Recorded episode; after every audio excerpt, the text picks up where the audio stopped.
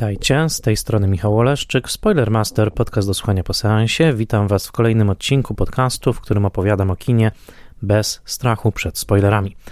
Zapraszam Was do posłuchania odcinka, jeżeli widzieliście już film, o którym mówię, ewentualnie jeżeli nie boicie się spoilerów. Spoilermaster jest podcastem w całości utrzymywanym przez patronki i patronów w serwisie patronite.pl.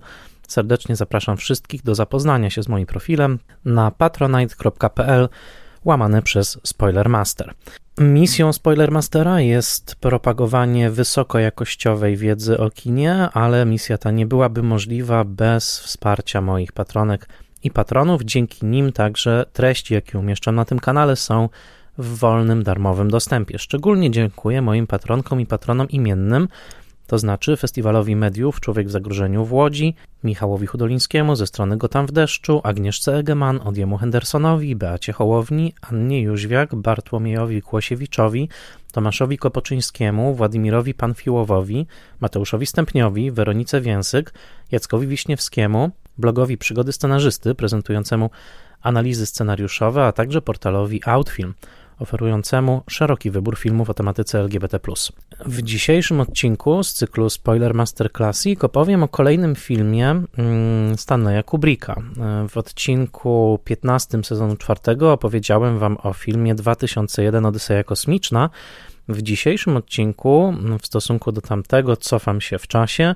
Opowiem mianowicie o poprzednim filmie Stanleya Kubricka, mianowicie o filmie Doctor Strangelove, albo Jak przestałem się bać i pokochałem bombę.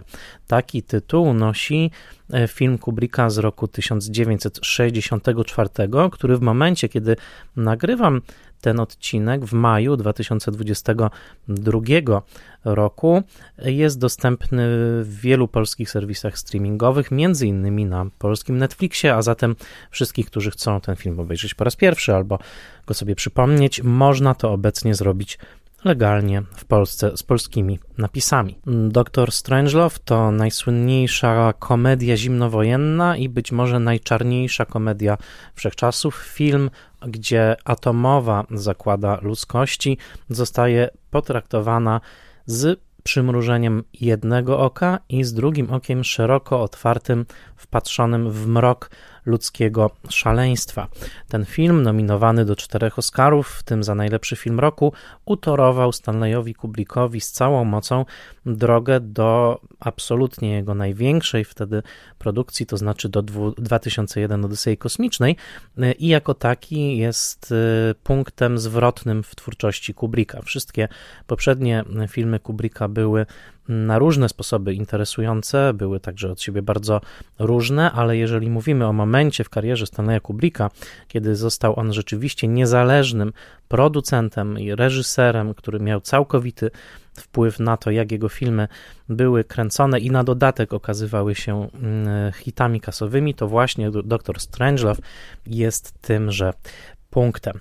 E, w przygotowaniu tego odcinka, jak zawsze, pomogły mi materiały zgromadzone, e, z którymi się zapoznałem, i oto ich krótka bibliografia, a także materiały dla tych, którzy byliby zainteresowani jeszcze pogłębieniem wiedzy o Strangelowie. A zatem korzystałem z książki pod redakcją Marka Lamstera pod tytułem Architecture in Film, z książki George'a Case'a pod tytułem Calling Dr. Strangelove, The Anatomy and Influence of the Kubrick Masterpiece. I tu chcę powiedzieć wyraźnie, że jeżeli chcecie nabyć jedną książkę o doktorze, doktorze Strangelove, to ta książka równie dobrze mogłaby się nazywać e, Wszystko, co chcieliście wiedzieć o doktorze Strangelove, ale baliście się zapytać, albowiem naprawdę jest tam wszystko. Jest to bardzo wyczerpująca e, książka o każdym właściwie aspekt, aspekcie tego, tego filmu. E, ponadto książka Lee Hilla pod tytułem A Grand Guy, The Art and Life of Terry Southern, Petera Kramera, książka Dr. Strangelove or How I Learned to Stop Wearing and Love the Bombs z serii BFI Film Classics, biografia e, Stanleya Kubricka, Vincenta Lobrutto, Stanley Kubrick A Biography, a także książka Eda Sikoła pod tytułem Mr. Strangelove, A Biography of Peter Sellers. Te źródła pomogły mi w przygotowaniu do tego odcinka. Korzystałem także z wydania DVD, e, e, dosyć starego wydania e, z serii Criterion Collection. Obecnie w Doctor Strangelove jest dostępny już na nośnikach Blu-rayowych. Ostatnio wyszedł także w jakości mm, Blu-ray mm, HD 4K i tam, o ile wiem, śledziłem to wydanie, nie posiadam go, ale wiem, że tam są i napisy polskie, i lektor polski. Więc y, to tylko w ramach uzupełnienia, że obecnie Dr. Strange'ow jest dostępny już na tym naj, naj, naj, naj, najlepszym z nośników. A zatem zaczynamy. Co to za film z przedziwnym tytułem, y, z tytułem, który łączy bardzo ekscentryczne nazwisko jakiegoś lekarza, jakiegoś naukowca, dr Strangelove, z podtytułem, który możemy kojarzyć z powieściami Jonathana Swifta, gdzie każdy rozdział przygód Gullivera miał właśnie taki podtytuł y, albo, y, który opowiadał, co się dzieje w danym rozdziale. No, tytuł filmu Kubricka jest zdecydowanie ekscentryczny, dziwny, zwracający uwagę, a także, i to o tym pamiętajmy bardzo, prowokacyjny, albowiem film kręcony w roku 1963, który na ekrany wszedł 29 stycznia roku 1964 w Stanach Zjednoczonych, był zdecydowanie prowokacją. Był prowokacyjną komedią na najbardziej przerażający i paraliżujący temat tamtej dekady i całego półwiecza, mianowicie na temat atomowej anihilacji ludzkości. Jeżeli w tytule padały słowa jak przestałem się martwić i pokochałem bombę, to były to słowa niesłychanie szokujące w czasie, kiedy no, nikt bomby za bardzo nie kochał, a spędzała ona sen z oczu bardzo wielu i to w skali globalnej skala strachu atomowego oczywiście była wielka, odcisnęła się także na y, sztuce naszej strony żelaznej, y, żelaznej kurtyny, zaowocowała całą falą sztuki pacyfistycznej, także sztuki malarskiej, sztuki poetyckiej, która miała przestrzegać i przede wszystkim wzbudzać strach przed tym, aby wybuchy nuklearne z Hiroshimy i Nagasaki się już nie powtórzyły, a zwłaszcza, żeby nie powtórzyły się na wielką, globalną skalę wojny wyniszczającej obydwie strony zimnowojennego równania. Wydawało się zatem, że jeżeli już mówić o bombie atomowej, to tylko w tonie ściśniętego gardła i przerażenia. Oczywiście były już filmy, które naruszały trochę to tabu, e, chociażby wprowadzając w tematykę atomową mocny temat erotyczny. To Hiroshima, moja miłość e, Alana René z roku 1959, a także niektóre B-klasowe amerykańskie filmy, jak chociażby The Atomic Kid z Mickeyem Runejem, który napromieniowany w, właśnie w miejscu prób nuklearnych nagle uzyskuje supermoce, a zatem nie było wyłącznie tak, że o bombie mówiono właśnie z mm, rewerencją, przestrachem, także inne nuty w, ten, w te wypowiedzi się wkradały. Niemniej jednak y, w kinie zwłaszcza bomba pojawiała się raczej jako wzbudzający grozę i taki przestrach właśnie element. I filmem chyba najbardziej znanym do tamtej pory był film Stanleya Kramera pod tytułem Ostatni Brzeg z roku 1959, tytuł On the Beach, y, który jest trochę mylący, sugeruje jakiś film letniskowy, natomiast tak naprawdę był portretem społeczności ludzkiej oczekującej na mm, śmierć w wyniku właśnie wybuchu nuklearnego i trującej chmury radioaktywnej, która zbliżała się do tytułowej plaży. Mm, były tam takie tematy jak chociażby mm, rozpacz, depresja, eutanazja właśnie w, w, związana z tym, z tym brakiem nadziei na przeżycie ludzkości. I to był rok 1959 i to ten film zdecydowanie ustawił ton, o jakim, w jakim o bombie atomowej się wypowiadano. Należy także oczywiście pamiętać, że początek lat 60. to czas bardzo wzrastającego napięcia zimnowojennego. E, w roku 1961 w sierpniu mm, powstaje mur berliński oddzielający e, Berlin wschodni od zachodniego w grudniu, mm, w październiku, przepraszam, roku 1962 mamy kryzys kubański, tak, czyli ta, tę reakcję Stanów Zjednoczonych na umieszczenie głowic nuklearnych na Kubie i bardzo, bardzo napiętych 13 dni e, negocjacji, który, w trakcie których świat faktycznie balansował na granicy nuklearnego zniszczenia. E, innymi słowy, zimnowojenny porządek właśnie końca lat 50. i początku lat 60. był nacechowany ogromnym napięciem. Napięciem związanym z doktryną wzajemnego zniszczenia, tak zwanego assured destruction, które w popularną wiedzę przeniknęło jako Mutual Assured Destruction, mimo że nigdy nie nosiło ono dokładnie takiego skrótu, no ale y, dostało się to do do publicystyki, a skrót MAD, Mutual Assured Destruction, czyli właśnie gwarantowane wzajemne zniszczenie, wydawał się naprawdę znakomicie oddawać pewien rodzaj obłąkanej logiki, który podszywał tamto myślenie strategiczne. Myślenie strategiczne oparte przede wszystkim na tym, że e, jedynym sposobem na zapobieżenie, e, bo taki był cel, e, na zapobieżenie zagładzie nuklearnej jest taki, jeżeli obydwie strony będą się tak samo bały nacisnąć czerwony guzik. Jeżeli ten strach będzie wystarczająco duży z obydwu stron, wówczas ten guzik nie zostanie naciśnięty. I w tym właśnie świecie, a właściwie pomiędzy kryzysem berlińskim roku 61 i kryzysem kubańskim roku 62, Stanley Kubrick, który w tamtym czasie pracuje przede wszystkim nad filmem Lolita, w którym ważną i taką też y, no, wielokrotną rolę zagrał niejaki Peter Sellers. Otóż w tym czasie Stanley Kubrick i jego wspólnik James B. Harris zakupują prawa do pewnej powieści. Do powieści napisanej przez Petera Briana George'a, wydanej w Wielkiej Brytanii w roku 1958 pod tytułem Dwie godziny do zagłady. W Stanach książka wyszła jako Czerwony Alarm, Red Alert. Peter Bryant George wydał tę książkę pod pseudonimem Peter Bryant. Następne wydania były już pod nazwiskiem Peter George. Był Walijczykiem, mm, liczącym sobie wówczas około 34 lat, który służył w brytyjskim lotnictwie, a po wojnie trudnił się pisarstwem. Pisał przede wszystkim thrillery, powieści takie z dreszczykiem.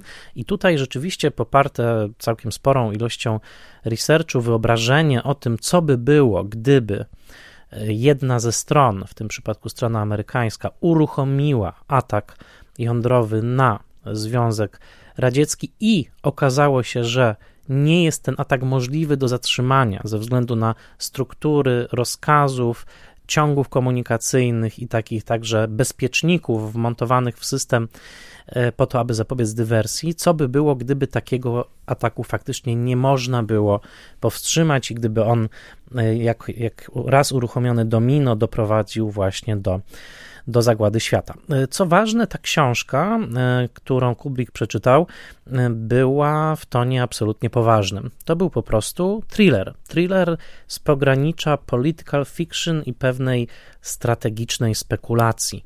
Tak ta książka została napisana, tak została pomyślana i tak na początku chciał ją adaptować Kubrick.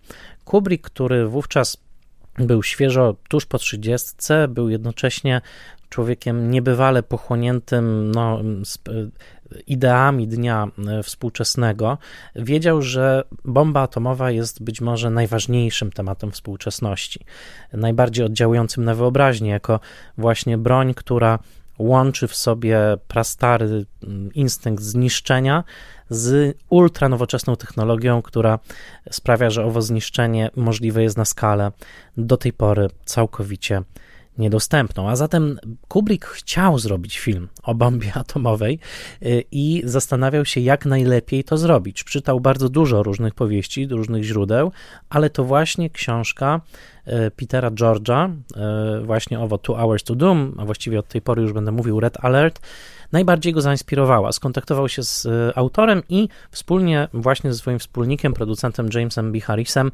kupili do niej prawa w grudniu 1961 roku i następne miesiące upływały na mm, zastanawianiu się, jak ten film powinien wyglądać, to znaczy jak najlepiej skonstruować tę opowieść, aby widz odczuł całą grozę sytuacji, a jednocześnie, aby sytuacja przedstawiona była wiarygodna, co nie jest tak do końca łatwe w sytuacji, w której mówimy o e, bardzo skomplikowanych procedurach wojskowych, o mm, wyposażeniu wojskowym, o broni, o strukturach politycznych współczesnego świata.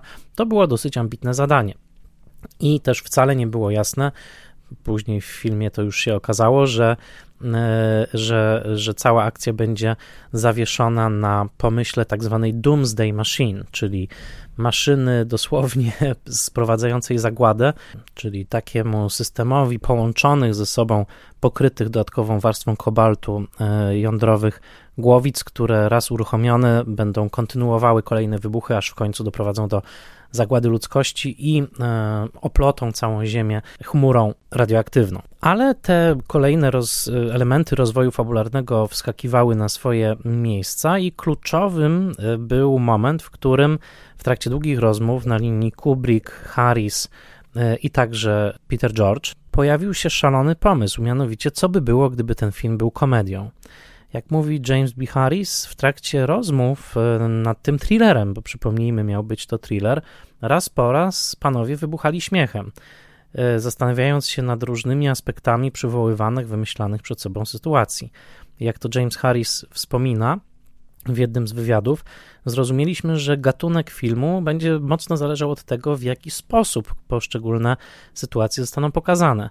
E, jak zresztą powiedział, już od samej sytuacji, w jakiej kogoś zastaje wiadomość o wybuchu wojny atomowej, czy to będzie przy stole mm, strategicznym w jakimś e, państwowym, wojskowym kontekście, czy na przykład w toalecie, z której właśnie ktoś korzysta, gatunek się zmieni, albowiem jeżeli o takiej apokalipsie dowiadujemy się w toalecie, to nagle sytuacja staje się trochę śmieszna, co zresztą zostaje potem przeniesione do filmu, albowiem w pierwszej scenie z generałem Buckiem Turgidsonem, granym przez George'a C. Scotta, właśnie nie może on na początku wyjść, żeby w pełni porozmawiać ze swoim zwierzchnikiem, ponieważ musi dokończyć swoje e, toaletowe sprawy. A zatem ten wątek także się do filmu przedostał. Z tym, że Harris się tego pomysłu wystraszył, pomyślał, że to będzie jednak za dużo, że, że Stanley Kubrick się na tym wywróci. Panowie się rozstali w dobrej atmosferze. Harris później zrealizuje swój własny zimnowojenny film, który nie będzie nawet blisko jakości e, doktora Strangelove, to znaczy The Bedford Incident, ale od tego momentu Stanley Kubrick będzie głównym producentem doktora e, Strangelowa, właściwie jego firma Hawk Films, e, na zlecenie Columbia Pictures. I oczywiście to nie będzie tak, że Columbia Pictures będzie całkowicie zadowolona z dosyć ekscentrycznego reżysera, ale do tego jeszcze wrócimy. Wytwórnia będzie bardzo zadowolona w momencie, kiedy film zacznie przynosić ogromne, ogromne zyski. Ponieważ e, Kubrickowi zaczęła się podobać ta wizja zamienienia całej opowieści w rodzaj komedii, wiedział, że będzie potrzebował jeszcze jednego scenarzysty, kogoś, kto dołoży właśnie tych szalonych kilka groszy, jeżeli chodzi o humor, który będzie niegrzeczny, który będzie atakował wszystkie amerykańskie świętości i który okaże się faktycznie bardzo prowokacyjny. Zwrócił się do pisarza z Teksasu, Terry'ego Sauterna, e, który był rodzajem właściwie takiego hipstera, bitnika, kogoś, kto no, słynął przede wszystkim z książek, w których bardzo, bardzo e, krytycznie się wypowiadał o społeczeństwie amerykańskim, ale przede wszystkim poprzez takie zwierciadło bardzo krzywej satyry. E, jego książka Candy, zahaczająca o tematykę seksualną bardzo mocno, jego e, książka The Magic Christian, także stanowiąca rodzaj współczesnej przypowieści. E, Terry Southern był rodzajem bajarza, trochę szaleńca, trochę ekscentrycznego satyryka, który zresztą odciśnie potem swoje piętno także chociażby na filmie Swobodny Jeździec, Easy Rider. Odsyłam do odcinka o tamtym filmie, gdzie Terry Southern będzie przecież scenarzystą. W każdym razie był kimś e, z wystarczająco właśnie szaloną wyobraźnią, żeby mm, e, to dodatkowe komediowe piętro do scenariusza e, dobudować i faktycznie tak się wydarzyło. Mm, to znaczy sam Terry Southern opowiadał o tym, że dla niego najważniejsza była swego rodzaju dezynwoltura, dekadencja, może nawet jego ulubionymi autorami był Edgar Allan Poe, Charles Baudelaire, Rimbaud, Lautremont, Celine, Nathaniel West, autor Dnia Szarańczy. To wszystko są autorzy z dosyć mroczną wizją świata, a jednocześnie mocno zaprawioną humorem. Kafka był także jednym z jego ulubionych, ulubionych autorów, więc Southern wniósł w scenariusz właśnie pewną kulturę literacką, i ten scenariusz zaczął się po prostu coraz to bardziej rozwijać w stronę taką, jaką sobie Kubrick od pewnego momentu obrał, to znaczy właśnie w stronę bardzo czarnej, bardzo szokującej komedii i to komedii, która jest rysowana, i to bardzo ważne, to charakterystyczna cecha tego filmu, na przemian bardzo cienką kreską i bardzo grubą kreską. Jeżeli obejrzycie doktora Strangelowa pod tym kątem, w których scenach mamy do czynienia z grubym humorem, takim właśnie humorem fizycznym, z minami strojonymi do kamery, z karykaturalnym przedstawieniem takich postaci jak chociażby Buck Turgidson czy Dr. Strangelove, to warto zauważyć, że przeciwwagą dla tego są bardzo delikatnie nakreślone postaci, które de facto nie mają w sobie nic jawnie śmiesznego, jak na przykład prezydent Merkin Muffley, który w całym filmie zachowuje się bardzo rozsądnie, e, czy inne postaci, nawet takie jak pułkownik Mandrake, grany, o czym za chwilę także przez Petera Sellersa, e, to są postaci grane stosunkowo, można powiedzieć, na, na poważnie, czy w takim rejestrze normalności. I cały film rozpięty jest trochę na tym, że z jednej strony jest w nim spora do, doza realizmu, także w scenografii, w tym, że jesteśmy w stanie uwierzyć w ten świat e, także e, militariów, jaki widzimy na ekranie i takiej ostrej, bardzo grubej e, satyry, która sprawia, że nie kwestionujemy, kiedy na końcu Slim Pickens z kapeluszem kowbojskim na głowie dosiada głowicy nuklearnej i, i leci z nią w dół, wołając icha, jak to kowbojo, na kowboja przystało. I gdzieś właśnie w tej dynamice Kubrick, Southern e, i George e, ta równowaga została e, wypracowana. Na pewno jedną z takich zasług Southerna było naładowanie scenariusza seksualnymi aluzjami albowiem to była jego domena. Później nawet w swojej powieści Blue Movie zawrze taki satyryczny portret Stanleya Kubricka jako reżysera, który być może byłby idealny do wyreżyserowania artystycznego filmu porno. W zasadzie oczy szeroko zamknięte będą czymś takim. W każdym razie Southern uwielbiał rozmaitego typu seksualne aluzje i Kubrickowi także na nich bardzo zależało w tej opowieści, albowiem nie da się ukryć, że to dążenie do atomowej destrukcji w filmie jest dosyć mocno sprzęgnięte z e, niepoukładaną seksualnością. A zatem, jeżeli mamy w tym filmie opowieść o e, generale Jacku D. Ripperze, który właśnie wysyła e, bombowce B-52, B-52 do ataku na sowiecką Rosję. I jeżeli mamy e, tutaj postaci takie jak prezydent Stanów Zjednoczonych, który stara się temu zapobiec i premier Związku Radzieckiego, który po drugiej stronie telefonu także stara się temu zapobiec, mamy mm, rosyjskiego ambasadora, Mamy także brytyjskiego e, e, pułkownika mm, Mandrake'a, który jest na wymianie takiej wojskowej w amerykańskiej bazie wojskowej i w końcu mamy tego doktora Strangelowa, to możemy prześledzić jak literacko pod dużym wpływem właśnie Terego Sauderna te wszystkie postaci mają bardzo dziwne imiona i nazwiska. E, prześledźmy tę listę jeszcze raz. Jack D. Ripper, generał, w którego wcielił się Sterling Hayden – z którym Kubrick już pracował przy filmie Zabójstwo, Jack the Ripper to nic innego jak Kuba Rozpruwacz, Jack the Ripper, czyli najsłynniejszy morderca na tle seksualnym w historii. A zatem można powiedzieć, że tym szalonym generałem amerykańskim, który jest przekonany o tym, że komuniści chcą zinfiltrować jego płyny ustrojowe, albowiem tak jest przekonany właśnie o tym, jest y, właśnie jest Kubą rozpruwaczem, y, a zatem kimś, kto, y, czyja seksualność jest dosyć mocno powikłana. Zresztą sam mówi w pewnej scenie Mandrake'owi, że to nie jest tak, że nie działam na kobiety, ale odmawiam im mojej substancji. Cokolwiek to znaczy, to typowy dialog dla tego filmu, taki gdzieś na pograniczu jakiejś sugestywności i absurdu właśnie. I deny them my substance. A zatem mamy Jacka the Rippera, e, mamy owego Mandrake'a, czyli właśnie mm, jedną z trzech ról zagraną przez Petera Sellersa. Mandragora to korzeń, który od lat wieków jest znany jako afrodyzjak. Prezydent Merkin Muffley, także zagrany przez Sellersa, to także dosyć dziwne nazwisko. Muff to slangowe określenie na e, waginę, a Merkin to określenie na perukę łonową. A zatem znowu bardzo dziwne imię i nazwisko. E, generał Desadeski, czy właściwie ambasador Desadeski, to właśnie ambasador radziecki w tym filmie. No Desad, chyba nikogo nie trzeba przekonywać, kim był. Premier po drugiej stronie telefonu nazywa się Kisow. Kiss Off, znowu pocałunek wpisany w jego nazwisko. Generał Turgidson, Buck Turgidson, Buck, czyli trochę byk rozpłodowy, a Turgidson, grany przez George'a C. Scotta, Turgid to tyle co nabrzmiały.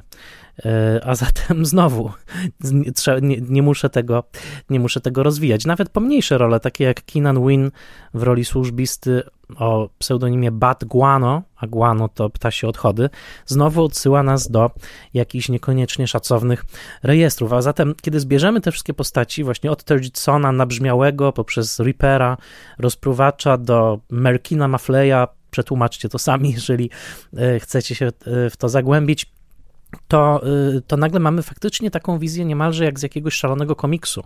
Może trochę jak z pisma Mad, y, takiego pisma satyrycznego, które jeszcze w latach 50. Y, w bardzo odważny sposób żartowało z tematów politycznych, także z bomby atomowej.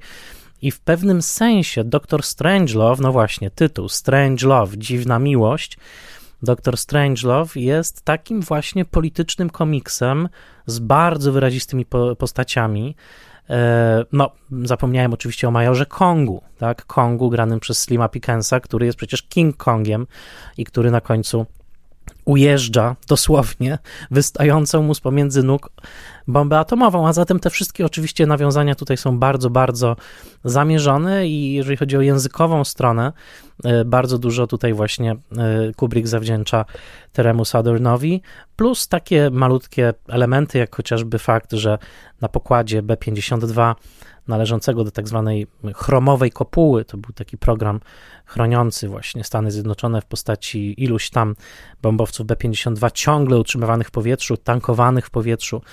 E, kiedy widzimy, e, że tam e, załoga sobie przegląda Playboya. Zresztą później ten Playboy pojawia się także w tak zwanym War Room, czyli w mm, sali wojennej. Mm, to jeżeli przypomnimy sobie, że główną, głównym celem generała Turgisona jest to, żeby dokończyć stosunek seksualny ze swoją kochanką, graną przez Nancy Reed, siostrzenicę wybitnego reżysera Karola Reeda, no to cały film jest przeniknięty właśnie taką dosyć, nawet powiedziałbym, niedojrzałą seksualnością, jakąś taką właśnie seksualnością może nastoletnich chłopaków, którzy trochę traktują tę całą grę w atom, jak, jak przedłużenie jakichś E, właśnie seksualnych energii, czy jakichś podwórkowych gier, a może jednego i drugiego. Taka jest wizja, wizja w tym filmie e, i nic dziwnego, że sam Kubrick zastanawiał się przez długi czas, jak zakończyć ten film, no bo jaki mógłby być koniec tej opowieści? No koniec końców porzucił pomysł wyjściowy, który zresztą pochłonął dosyć dużo realizacyjnej siły, mianowicie film miał się kończyć wielką walką na ciastka z kremem, rozegraną w sali wojennej, War Room. Na końcu wszyscy mieli się zacząć rzucać właśnie tymi ciastkami i tak jak w niemej komedii mieli się na końcu wyłonić właśnie ociekający tą bitą śmietaną y, i, i to miało y, jakby pokazać absurd tych y, napięć zimnowojennych i prezydent Stanów Zjednoczonych miał grać w koci koci łapci z radzieckim ambasadorem. Jednym z e, słów, jakie miał, zdań, jakie miał wykrzyknąć w tym momencie Turgidson, e, kiedy prezydent Stanów Zjednoczonych otrzymywał cios mm, ciastem w twarz, miał wykrzyknąć: Jak możecie ścinać naszego prezydenta w kwiecie młodości? Ta scena była nakręcona i. Yy, Przypominam, że zdjęcia do filmu się rozgrywały na początku roku 63, ale premiera miała się odbyć w listopadzie. 22 listopada y, JFK, John F. Kennedy, został zastrzelony w Dallas. I w tym momencie słowa o ścinaniu w kwiecie wieku prezydenta już nie były takie zabawne. Zresztą już nawet wcześniej Kubrick miał wątpliwości co do tej sceny. Zdjęcia z tej sceny z bitwą na ciastka są w sieci, można zobaczyć, jak to wyglądało. E, fragmenty są gdzieś w archiwach Brytyjskiego Instytutu Filmowego. W każdym razie zrezygnowano w ogóle z tej całej bitwy i zamiast tego mamy wybuchy atomowe, które są materiałami archiwalnymi, które sugerują, że świat się rzeczywiście skończył. E, ostatnim, ostatnim aktem w filmie, ostatnią czynnością, jaką widzimy, jest to, że entuzjazm doktora Strangelowa, który rozwijał wizję tego, jak będzie wyglądało życie po zagładzie atomowej, bardzo wybranej grupki samców, wstaje nagle ze swojego wózka e, inwalidzkiego i mówi: Mein Führer, znowu chodzę, przypominając sobie trochę swojego pewnie poprzedniego, poprzedniego szefa.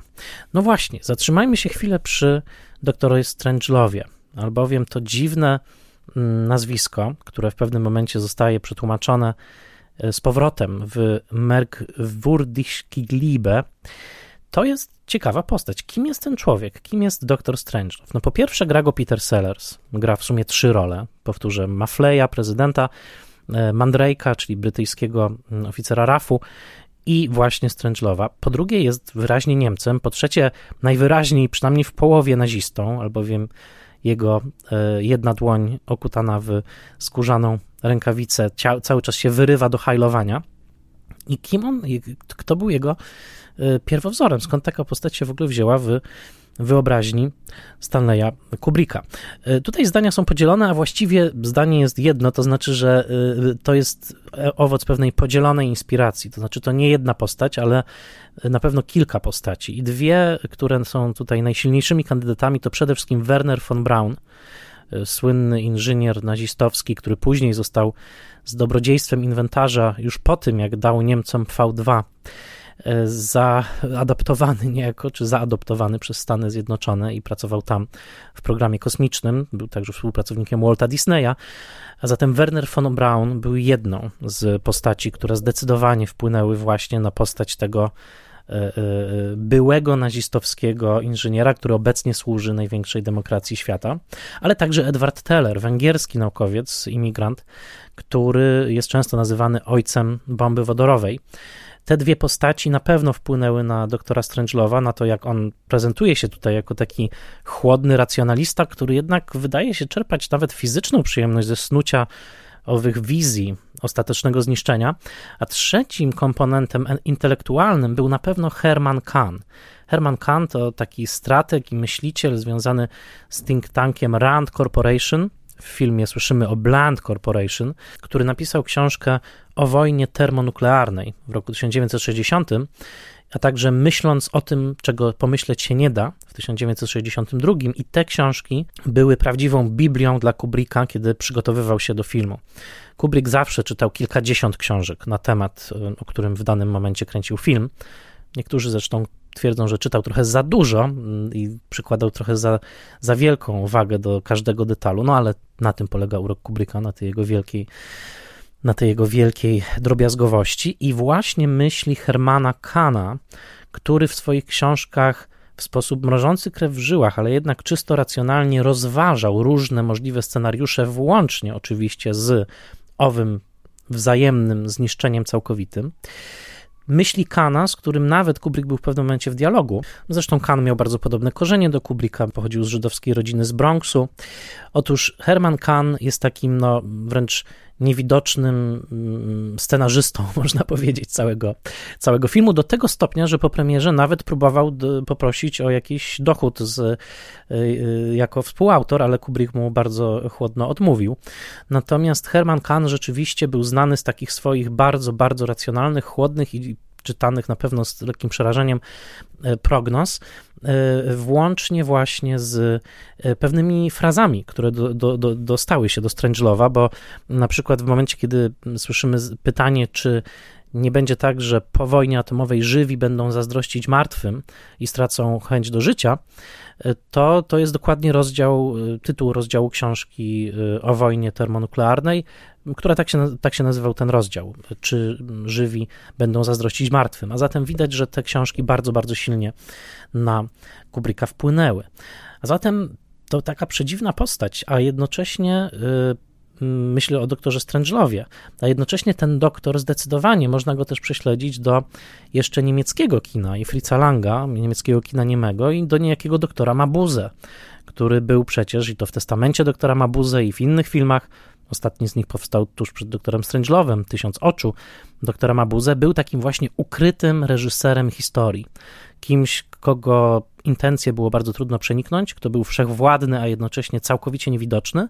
I kimś takim właśnie jest doktor Strangelove. I tutaj otwiera się rozdział, którego dzisiaj nie otworzymy do końca, ale delikatnie go zasygnalizuję, mianowicie taką bardzo skomplikowaną relację, jaką miał Kubrick właśnie z kulturą niemiecką, albowiem tutaj umieścił w centrum doktora Strangelowa. Jest to, jest to jakby najważniejsza postać tego, e, tego filmu. Pamiętamy także, jak ogromnym uczuciem obdarzał Alex, bohater filmu Mechaniczna Pomarańcza Ludwika van Beethovena, którego nazywał nawet Ludwik van.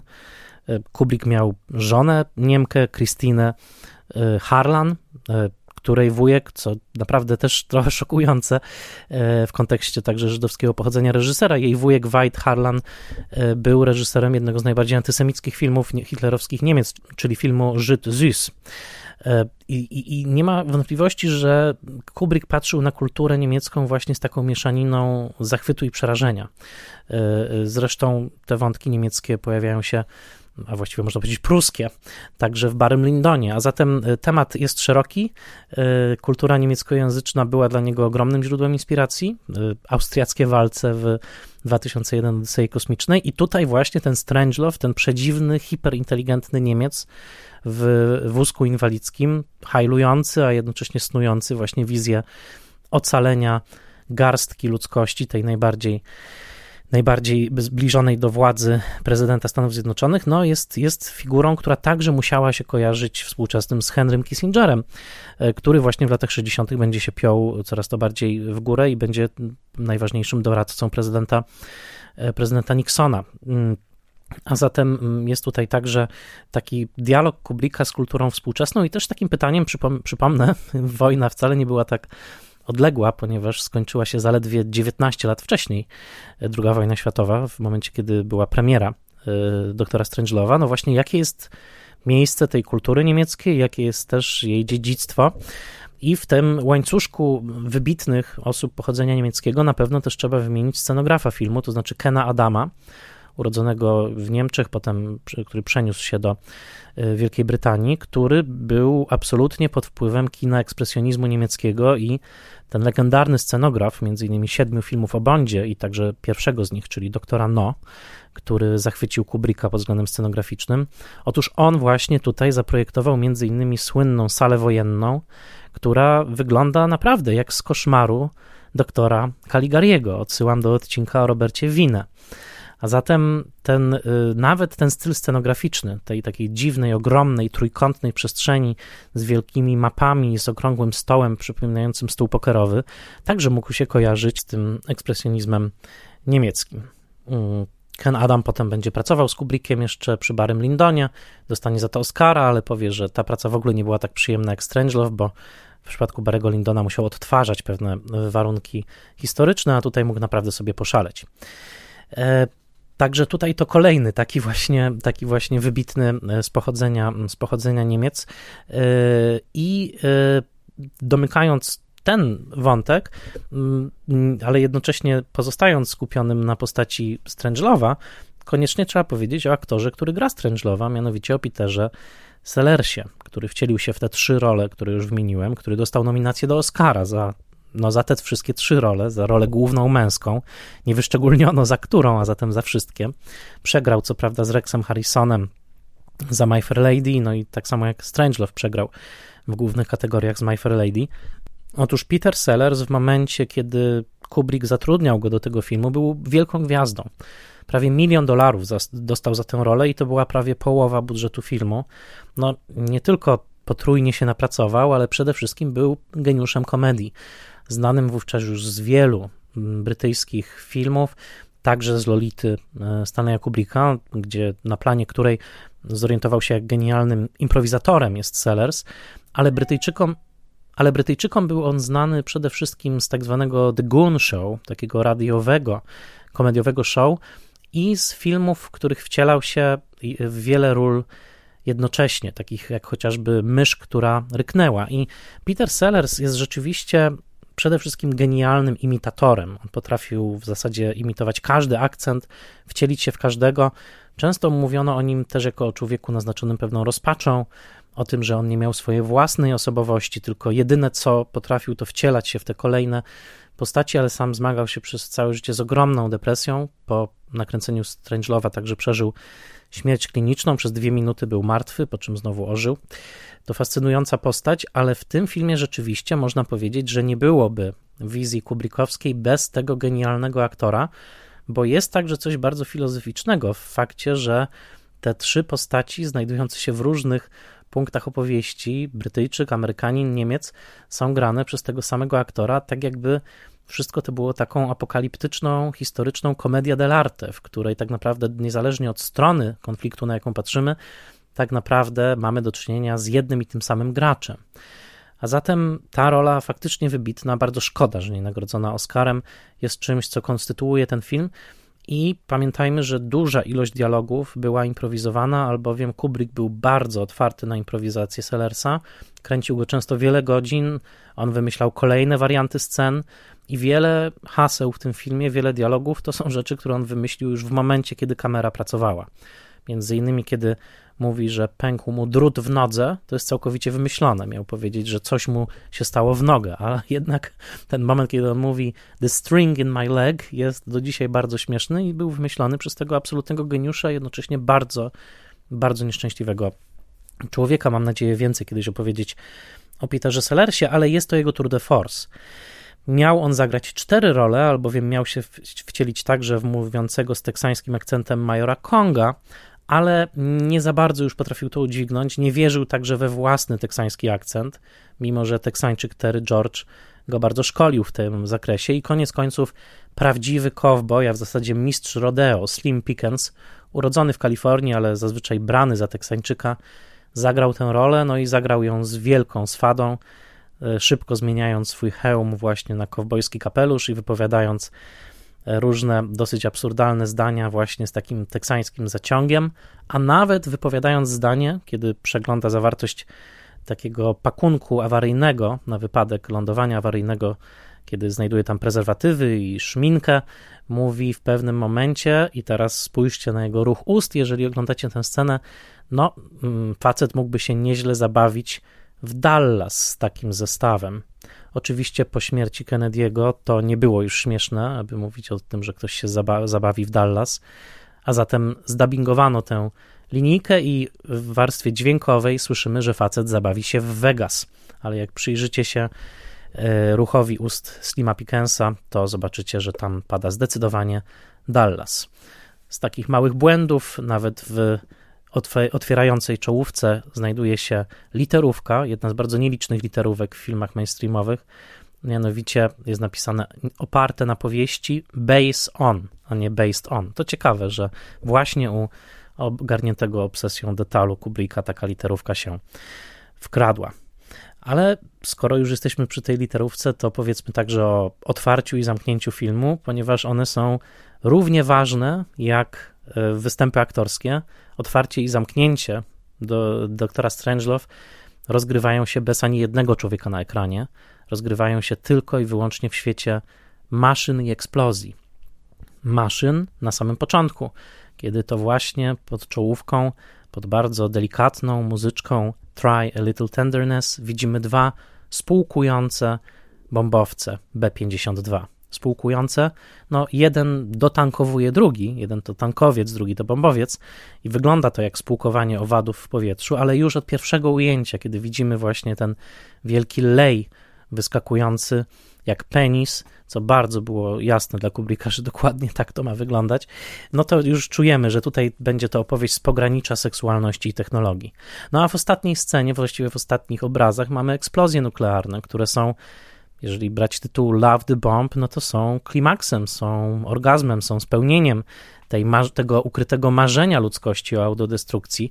Na pewno są wielkim kosmicznym orgazmem Slima Pickensa, który wcześniej ujeżdżał bombę atomową, i Sterlinga Haydena, czyli Jacka D. Rippera, który traktuje wywołanie tej wojny jako rodzaj ekwiwalentu swojej niepoukładanej seksualności. I tutaj słyszymy w tle piosenkę We'll Meet Again, którą uczyniła sławną piosenkarka Vera Lynn w 1939 roku. To była piosenka, która towarzyszyła Brytyjczykom przez całą II wojnę światową i była rodzajem takiego podnoszącego na duchu hymnu, przypominającym, że po tej trudnej wojnie spotkamy się znowu. Cóż za prowokacja, żeby umieścić tą piosenkę pod obrazami nuklearnej katastrofy. Czy rzeczywiście spotkamy się znowu? Kubrick chciał nawet umieścić słowa tej piosenki na ekranie i z taką kuleczką karaoke przeskakującą z sylaby na sylabę zachęcić globalną widownię, żeby zaśpiewała tę piosenkę We'll Meet Again, co gdyby się wydarzyło, byłoby brutalnie ironiczne, albowiem mielibyśmy setki tysięcy, miliony osób wpatrujące się w obrazy nuklearnego zniszczenia i śpiewające właśnie We'll Meet Again. A zatem z tego pomysłu akurat Stanley Kubrick zrezygnował. Jest w tym filmie oczywiście jeszcze wiele smaczków. E, możecie chociażby zobaczyć, że w Playboyu pojawia się roznegliżowana Nancy Carroll, ta sama, która gra sekretarkę Tergitsona, jedyną kobietę w całym filmie, albowiem jest to hipermęski film, stanowiący jednocześnie rodzaj karykatury męskości, ale że ona także pojawia się na stronach Playboya i ma przykrytą e, pupę e, egzemplarzem poważnego pisma Foreign Affairs, konkretnie numerem ze stycznia roku 1963 i nawet w reklamach tego filmu występowała właśnie jako Miss Foreign Affairs. To także taka mała e, taka mała anegdota. Myślę, że z tej całej opowieści o kręceniu Strangelowa wyłania się przede wszystkim obraz Kubricka jako no, niesłychanie nowatorskiego reżysera, który podjął się zadania dosyć, wydawałoby się, niemożliwego, tak, zrealizowania komedii o najbardziej przerażającym temacie swojego czasu i dowiódł swego. Film miał premierę, jako się rzekło, w styczniu roku 1964. Doczekał się bardzo dobrych recenzji, nawet jeżeli dla niektórych krytyków, zwłaszcza starszego pokolenia, okazał się żartem za daleko idącym. Między innymi Bosley Crowder na łamach New York Timesa pisał, że to jest bardzo chory żart, sick joke. I w tym sensie nawiązywał do całej szkoły chorych żartów. To jeszcze była epoka, zanim taki odważny stand-up się e, zakorzenił w naszej kulturze. Takich chorych żartów, które były kojarzone bardziej właśnie z kulturą nowojorskich bitników, z kulturą outsiderów.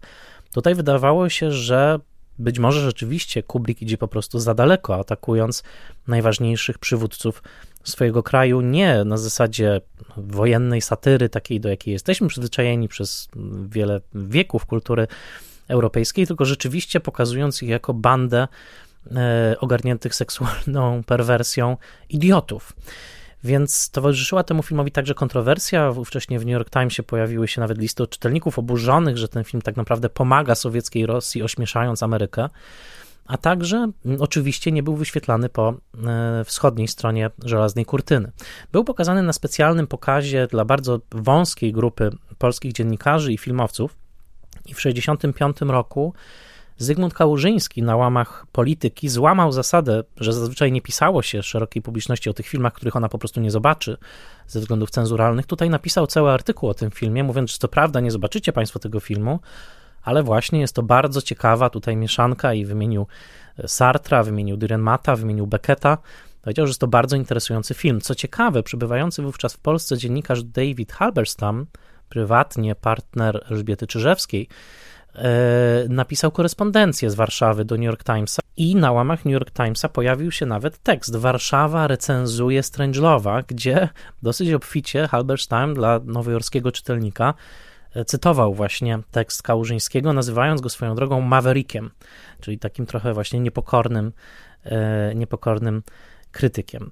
Wpływ Strangelowa był oczywisty w bardzo wielu późniejszych filmach, które też sięgały po e, narzędzia satyry e, wojennej i właśnie w takim kluczu bardzo anarchistycznym, łączącym się też z kulturą komiksową, z kulturą hipsterską zdecydowanie można było dostrzec pewną, pewne podobieństwo myślowe między Josephem Hellerem, e, autorem książkowego paragrafu 22, który wyszedł jeszcze przed premierą e, doktora Strangelowa i e, właśnie samym, samym Kubrickiem. Jeszcze w trakcie realizacji filmu powstał film w zasadzie identyczny według książki Fail Safe, po polsku Czerwony Telefon, która miała bardzo podobną fabułę, tyle że była opowiedziana na poważnie. To był film Sidney Alameta, też dystrybuowany przez Columbia Pictures, którego dystrybucję opóźnił Kubrick swoim pozwem sądowym, oskarżając tamtych autorów e, Eugena Birdnika i Harveya Willera o plagiat co sprawiło, że właśnie poważna wersja tematu weszła już na ekrany po wersji komediowej, co bardzo osłabiło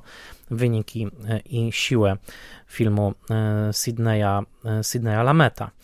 Ale ten wpływ Strangelowa widać nie tylko w innych filmach, które poważyły się właśnie na taką ostrą satyrę antywojenną, jak chociażby film Richarda Lestera Jak wygrałem wojnę.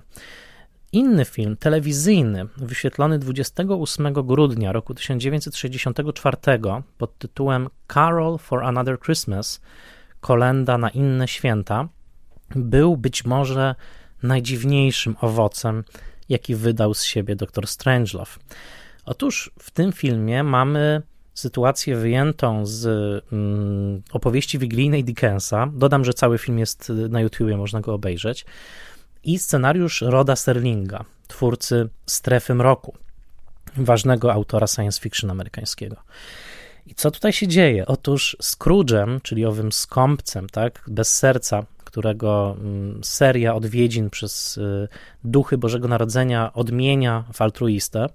Otóż tutaj gra tego Scrooge'a, nazwanego Grudge'em, czyli kimś, kto ma do kogoś urazę, Sterling Hayden, czyli Jack the Ripper z doktora Strangelove. Kim jest w tej wersji Scrooge? Jest amerykańskim prawicowcem, który krytykuje wszelkie formy angażowania się Stanów Zjednoczonych w konflikty międzynarodowe. Jest takim skrajnym izolacjonistą. Odwiedza go jego kuzyn, grany przez Bena Gazarre, który jest z kolei pacyfistą i domyślamy się lewicowcem. Film notabene był sponsorowany przez ONZ, Organizację Narodów Zjednoczonych. I co się okazuje? Otóż tenże pan Grudge cofnął dofinansowanie dla fundacji, którą kieruje jego kuzyn, albowiem ta fundacja miała sprowadzić do Stanów Zjednoczonych polskiego naukowca o nazwisku Korzeniowski, który wykłada na Uniwersytecie w Krakowie, in Krakow, Poland. Miał to być program wymiany międzynarodowej. Amerykański naukowiec miał pojechać do Krakowa, a polski naukowiec miał przyjechać do Stanów Zjednoczonych. Gracz cofnął dotacje, twierdząc, że nie potrzebujemy żadnych takich wymian, albowiem nie powinno nas interesować to, co się dzieje w Europie Wschodniej. Ameryka jest Ameryką i nie angażujmy się nigdzie indziej. A wy, właśnie liberałowie z tymi krwawiącymi sercami, tylko doprowadzacie ten kraj do ruiny. No i później następuje seria wizyt właśnie tych duchów, oczywiście bardzo przekształcona w y, duchu takim pacyfistycznym, nawiązującym do II wojny światowej, ale także do Hiroshimy. I koniec końców, oczywiście, gracz staje się pacyfistą. Natomiast co ważne, w scenie, która pokazuje świat po katastrofie atomowej, gracz świadkuje takiej dziwnej ceremonii dokonywanej przez y, kapłana, który nazywa się Imperial Me, czyli dosłownie imperialne ja, który ogłasza nadejście ery całkowitego egoizmu, całkowitej prywaty. Kto gra tego kapłana? Peter Sellers. A zatem mamy tutaj dokładnie w rok, a właściwie na cały rok po premierze kinowej Strangelowa, mamy ten film telewizyjny, w którym występuje Sterling Hayden w roli podobnej jak u Kubricka, występuje Peter Sellers i na dodatek całość reżyseruje Joseph L. Mankiewicz, Mankiewicz którego znamy z wszystkiego o Ewie. A zatem przedziwny taki właśnie odprysk doktora Strangelowa w kulturze telewizyjnej, półtorej godzinny film Carol for Another Christmas, czyli innymi słowy film bożonarodzeniowy w kluczu atomowym, przyprawiony doktorem Strangelovem, tak można powiedzieć. Niesamowite są te zim, zimnowojenne konteksty. Tuż po premierze tego filmu z kolei kolejną swoją książkę wydał Peter George, nazywała się Commander 1 i była dedykowana Kubrickowi. Niestety Peter George, zmagający się z depresją i alkoholizmem, e, w roku 1966, 1 czerwca, strzelił sobie w głowę i odebrał sobie życie. A zatem autor Red Alert, tej książki, która mm, była u podstawy filmu Dr. Strangelove, już dwa lata po premierze arcydzieła Kubricka sam odebrał sobie życie, a film Kubricka absolutnie kontynuował swoją karierę. Do dzisiaj jest punktem odniesienia, do dzisiaj jest analizowany przez rozmaitych twórców, ale także polityków. Jest satyrą, która nie do końca straciła swój ząb, a jednocześnie unosi się nad nim takie pytanie, czy jest to film odpowiedzialny czy nieodpowiedzialny, czy może właśnie za daleko idący w tej swojej satyrycznej intencji. Myślę, że film do dzisiaj byłby absolutnie w stanie wywołać dyskusję, gdyby go wyświetlić chociażby w sali wykładowej, więc nie dziwię się, że film pozostaje młody, jest także obecny w wielu mowach politycznych, postać Strangelowa nawet trafiła do mm, tytułów książek o przyszłości broni atomowej. Pamiętajmy, że ta broń wciąż nam towarzyszy. Y, a nawet w sieci można znaleźć dość przerażający, zwłaszcza w kontekście maja 2022 roku, kiedy nagrywam ten klip, fragment z Władimirem Putinem i Oliverem Stone'em, który bardzo zawsze był pod wrażeniem Putina i właśnie pyta go w pewnym momencie, czy widział Putin doktora Strangelowa. Y, Putin odpowiada, że nie i panowie oglądają film razem i są tam pokazane reakcje Putina na na ten film, włącznie z dyskusją po filmie pomiędzy Oliverem Stone'em i Władimirem Putinem. No, jest to, jest to naprawdę coś y, dosyć przerażającego, y, to co mówi tam y, Putin, ale także pokazuje, że ten film pozostaje jakby taką kartą obiegową w rozmowie o polityce także przyszłości, a nie tylko E, przeszłości. A zatem taki fragment też na YouTubie można znaleźć. Na koniec oddam e, głos George'owi Case'owi, autorowi tej fantastycznej książki Calling Dr. Strangelove, e, której tak dużo zawdzięczam, jeżeli chodzi o zgłębienie tła historycznego Strangelowa. Mianowicie George Case wskazuje na film Kubricka jako na część większego kulturalnego ruchu, pewnego nurtu, który e, rozpoznaje w następujący sposób. Nawiązując do podobieństw pomiędzy paragrafem 22 Hellera i Kubricka, których to podobieństw obydwaj panowie byli świadomi i szanowali swoje komediowe wizje. Otóż George Case pisze tak. Zarówno Heller, jak i Kubrick uczestniczyli w jednym z nurtów definiujących całą epokę, razem z takimi postaciami jak Lenny Bruce, Woody Allen, Mordecai Richter, Bob Dylan, Mort Sahl, Philip Roth pisarze pisma Mad, a także Mike Nichols, reżyser filmowego paragrafu 22. Wszyscy z nich kultywowali ogląd amerykańskiego społeczeństwa z pozycji outsidera. Dla typowego, umiarkowanego politycznie i kulturowo czytelnika pisma Time, najwcześniejsi przedstawiciele tego nurtu byli nazywani Siknikami, Sikniks, dzierżącymi poczucie humoru, które tak obraziło Bozleya Krautera z New York Timesa, ale dzielącymi także rodzaj głębszej tożsamościowej wspólnoty.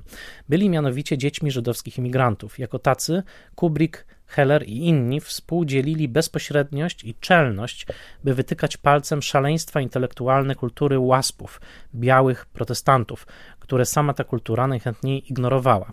Częściowo cyniczne, a częściowo niewinne, dzieła takie jak paragraf 22 czy dr Strangelove wskazywały palcem na nagiego cesarza amerykańskiej technokracji.